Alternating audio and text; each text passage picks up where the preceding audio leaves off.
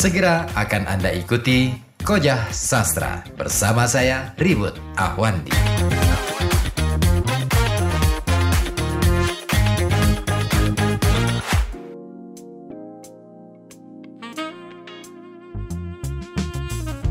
Ya, sudah pukul 8 malam lewat 10 menit dan Kojah Sastra masih bersama Anda. Saya masih bersama Anda juga untuk mengawal perjalanan Kojah Sastra. Ya, cuaca memang hari ini agak kurang menentu ya. Suara suaraku langsung balik. iya, uh, uh. Uh, dan anda harus ya kita semua ya harus uh, pintar-pintar uh, untuk jaga diri, jaga kesehatan dan juga ya yang paling penting adalah terus berusaha untuk uh, patuhi protokol kesehatan demi kita semua gitu. Ya. Masih kita kupas masalah jurnalisme sastra. Kenapa yuk? Kamu ketawa gitu. Aku jadi gak enak gitu.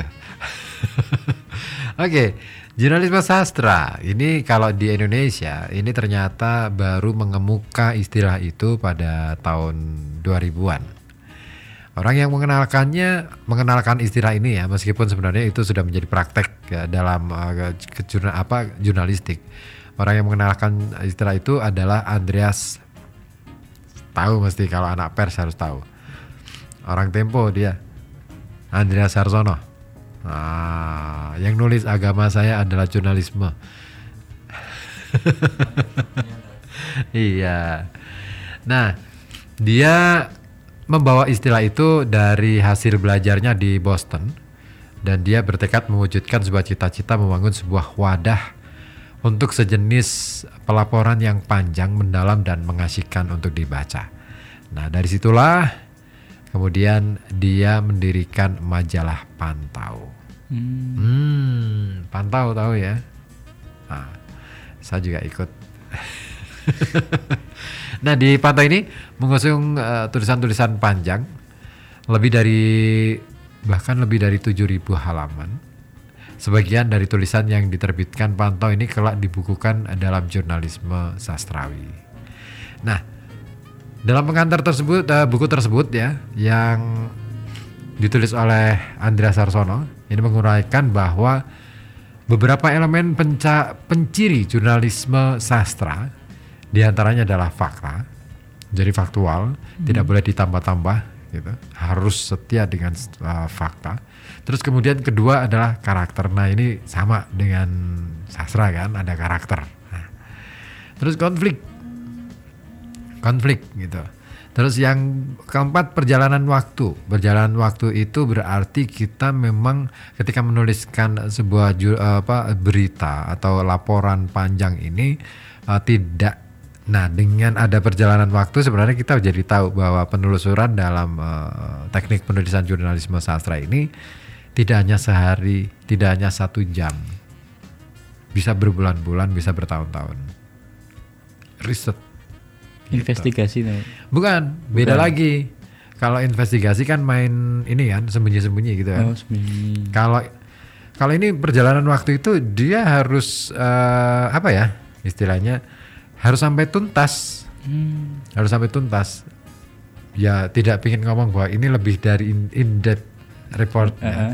tapi ini lebih pada bagaimana dia sampai menemukan uh, apa ya uh, informasi yang lengkap sehingga ketika dia uh, seseorang yang akan menuliskan berita dengan metode jurnalisme sastra ini dia tahu bagaimana cara menuliskannya dengan tepat hmm. Dan waktu dari waktu ke waktu itu benar-benar diikuti uh, benar-benar diikuti uh, seperti itu terus elemen yang kelima adalah akses kedekatan dengan sumber penting sangat penting kedekatan dengan sumber. Tidak hanya kepada orang-orang penting ya, orang-orang yang tidak penting pun juga penting. Terus emosi. Nah, emosi ini menjadi sesuatu yang menarik. Sama ada kemungkinan uh, seorang uh, apa jurnalis ketika menuliskan uh, karya jurnalisme sastra dia bisa me, apa ya tidak kemudian ngomong bahwa si amarah gitu, tapi untuk bisa menunjukkan kemarahannya itu bisa dengan katakanlah eh, saat diwawancara nar- narasumber ini membanting gelas misalnya. Nah, sampai hancur berkeping-keping gitu.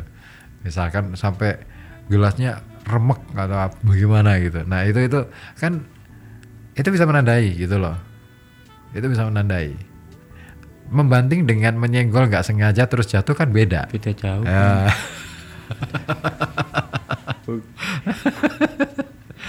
ya. Terus yang berikutnya adalah elemen kebaruan. Elemen kebaruan. Nah, apa yang baru? Ya, news kan memang baru. Hmm. Sesuatu yang baru, sesuatu yang bukan bukan berbeda ya. Eh, bukan juga yang eh, sama sekali tidak tidak ada, tetapi ada, tetapi itu tidak selalu eh, apa ya peristiwa-peristiwa ini yang dituliskan itu adalah peristiwa-peristiwa yang benar-benar up to date gitu.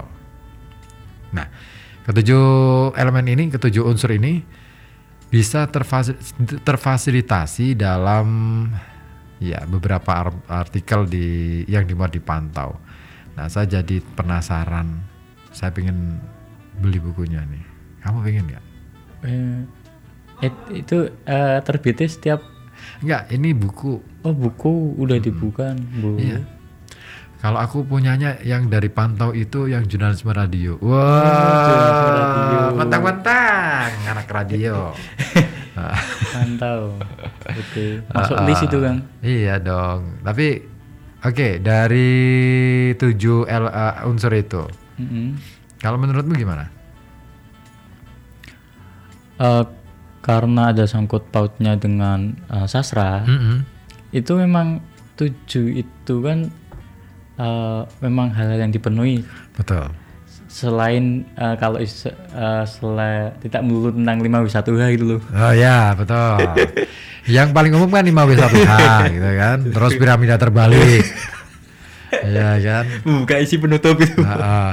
pokoknya bagian depan itu hal-hal yang umum informasinya. Terus kemudian tengah itu background. Ah, paling bawah itu ujungnya adalah detail. Ah, menjawab pertanyaan how gitu kan. Iya gitu. What, when, who, where, apa why gitu kan. Background itu jawab why, why gitu. Eh, soalnya kan gini Kang. Kebanyakan surat kabar gitu kan hanya berisi informasi umum. Ya.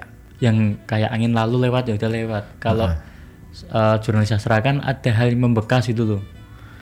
Enggak sih, kalau menurutku bukan soal bagaimana ini hanya soal teknik menuliskannya aja sih, penyajiannya aja Teknik. sih. Heeh. Mungkin peristiwanya sama, Heeh. ya kan? Cuman karena kebutuhan kebutuhannya beda, ya kan? Kalau straight news berita yang harus cepat disampaikan, maka ya ya seperti itu.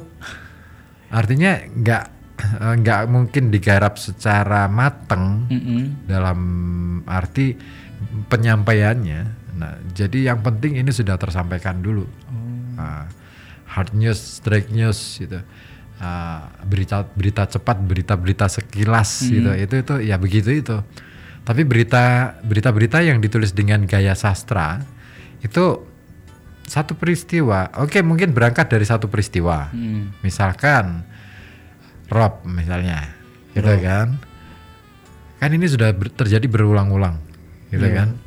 Berulang. Kalau strike news ya sebatas Robnya itu aja. Ah, Tapi kalau jurnalisme sastra, mungkin itu akan diikuti dari waktu ke waktu, kapan Rob itu datang, kapan surut, kemudian bagaimana keadaan masyarakat di sana, eh, seperti apa sih, bahkan untuk meliput sebuah ketika ketika ingin meliput dengan teknik apa jurnalisme sastra, itu dia harus hidup di situ untuk berhari-hari. Iya, harus hidup di situ, di lingkungan itu, berinteraksi dengan masyarakatnya. Syukur-syukur akhirnya mendapatkan akses mm-mm. sampai ke masyarakat-masyarakat yang uh, mungkin tadinya nggak berani ngomong, akhirnya bisa buka suara. Nah itu betul karena apa melebihi dari investigasi. Kalau investigasi kan kadang-kala kan kita masih main apa ya bukan kucing-kucingan sih, tapi lebih ke apa eh, sembunyi-sembunyi gitu kan. Kita mencoba untuk eh, menyembunyikan diri kita agar tidak diketahui gitu kan. Ini enggak hadir hadir di situ, ada di situ bersama dengan mereka sehingga apa yang dirasakan oleh mereka itu benar-benar bisa dituangkan dalam tulisan itu. Hmm. Itu. Eh, akhirnya mikir lagi kang saya kang. Iya. Mikirnya gini. Memang harus mikir. kalau kalau kamu datang di Koja Sastra harus mikir. Ada bentuk lain sepertinya meskipun jurnalisme sastra itu masih eh, terkesan senyap, namun soal apa yang tadi diceritakan tujuh tujuh apa tujuh Elemen. elemen Nah, itu, tujuh unsur, tujuh tujuh unsur itu ada pada eh, dokumenter sebenarnya. Iya, bisa dibilang begitu. Dokumenternya Dokumenter itu kan cenderung features kan. Nah, salah satu salah satu pendekatan jurnalisme sastra bentuknya adalah features. Hmm, Nah, salah satu loh ya. salah satu. Tidak salah dua. Salah dua. Kalau salah dua nilainya delapan. Soalnya 10 berarti. Aduh, sampai batuk. Ah. Oke, ini menarik. Eh, tapi kita simpan aja dulu ya. Eh, sambil nunggu siapa ini yang mungkin ada yang gabung. Oh. Oke. Oke, em, satu lagu dulu deh. Oke. Saya pengen muter, kamu pengen muter, eh, tak puterin lagu apa? Request bisa kan? Aku tak siapin ini deh. Ada pacar merah bunga dan tembok ya. Oh boleh. Oke. Yang di rumah, yang di mana pun eh, saja, eh, di mana pun anda berada, gitu maksudnya. Silakan Anda bisa bergabung di 424474 ataupun di 0855420912. Ada pacar merah, bunga dan tembok.